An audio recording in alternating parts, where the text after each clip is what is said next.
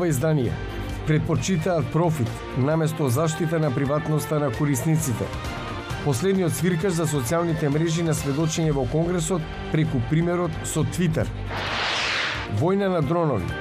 Како што се интензивира користењето на беспилотни летала, се зголемуваат напорите за заштита на локации, ранливи на дронови со непријателски намери. Замислете да ве транспортираат од Њујорк до Вашингтон за помалку од 30 минути. За ова и повеќе останете со нас. Ке ви кажам.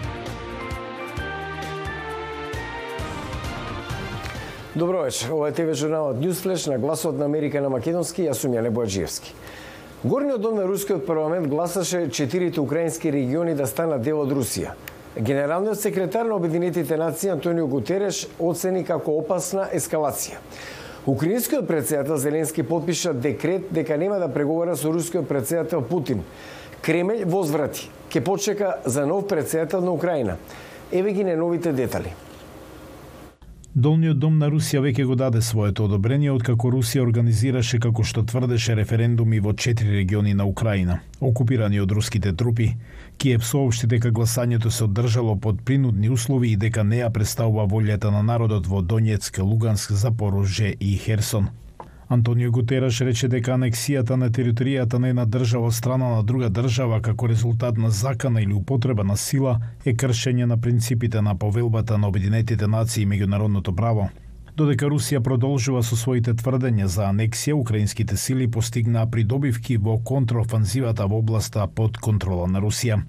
Украинскиот председател Володимир Зеленски рече дека неговите сили во Керсон ослободиле две населби.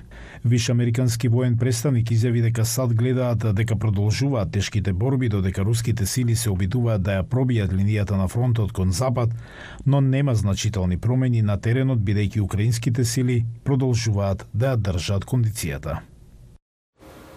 А во САД, поранешен шеф за безбедност на Твитер ги предупреди американските законодавци дека компанијата за социјални медиуми е повеќе од 10 години за стандардите за кибернетска безбедност и заштита на приватноста. Кетрин Гибсон има повеќе детали. Последниот свиркач за социјалните мрежи кој сведочеше во Конгресот поранешниот шеф на безбедноста на Твитер Пајтер Затко Пред законодавците истекна дека компанијата повеќе предпочита профит пред приватноста на корисниците.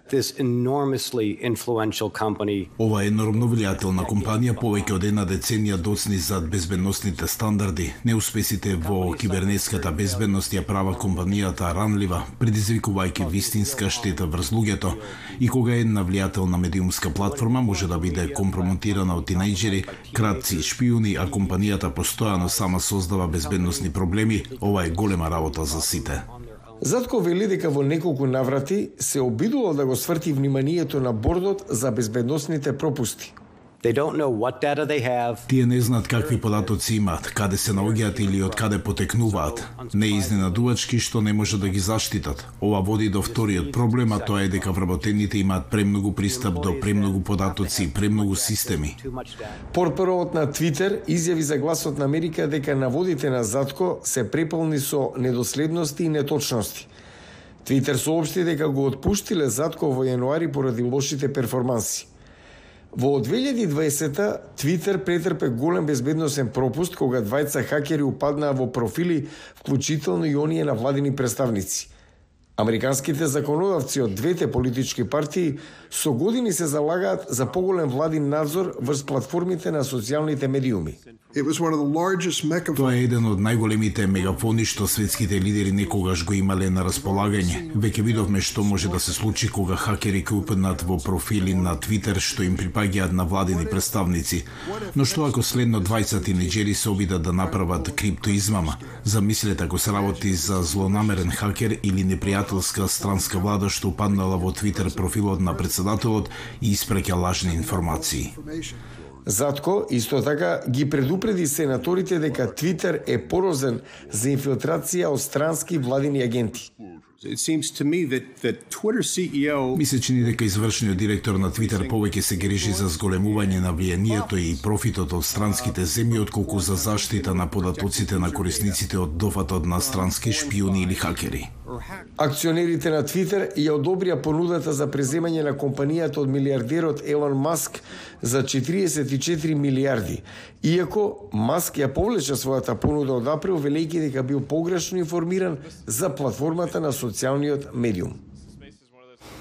А како што армиските цилни беспилотни летала стануваат се поповарни, расте загриженоста за заканите што може да ги представуваат над аеродромите, затворите, електричните мрежи. Джули Табо известува за компанија која развила технологија за контрабеспилотни летала, што може да ги идентификува и ублажи заканите од злонамерните непријателски дронови.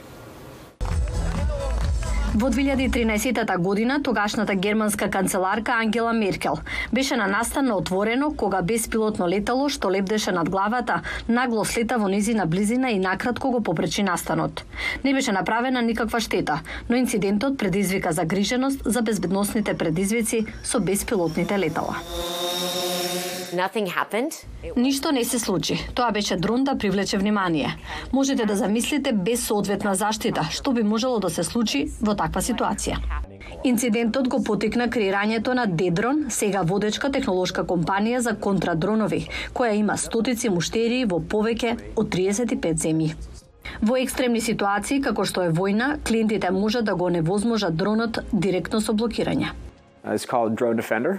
Дрон Defender е радиопредавател и кога ќе го лоцираме нашиот во воздушниот простор, го насочуваме кон него, го активираме и можеме да го попречиме сигналот. Индустријата за технологија за контрадронови расте заедно со индустријата за комерцијални дронови, велат експертите. Нова технологија гледаме како интегрален дел од системот за комерцијални дронови. Потребна ни е технологија против дронови заради заштита на чувствителни локации. Како што продолжува да расте користењето на беспилотни летала, ќе се зголемат и напорите за заштита на локации, што се ранливи на дронови со непријателски намери. За крај на News Flash, летечки автомобил, возива со голема брзина што пренесуваат луѓе. Дали ова ќе бидат следните технолошки откритија во продолжение за една изложба која има некои привидување за нашата иднина? Погледнете.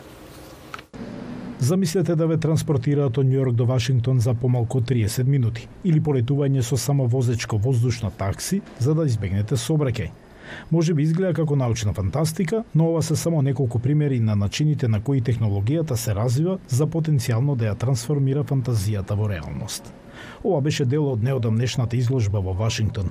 Артефактите од минатото беа представени заедно со прототиповите на најсовремените технологии на иднината. Сакавме да најдеме начини за да влееме надеж и оптимизам во некои од одлуките за кои мислиме дека ќе влијаат на нашата иднина. Вистински технолошки откритија не се случуваат често. Почесто е да пробате нешто, да не успеете, а потоа да се обидете повторно. Резултатот може да го промени животот. Успеавме да повлечеме линии на поврзување помеѓу некои прототипови во рана фаза и потоа да видиме повеќе современи дизајни кои се ставени во употреба, за да ја воочиме разликата со можната намера на оригиналниот објект.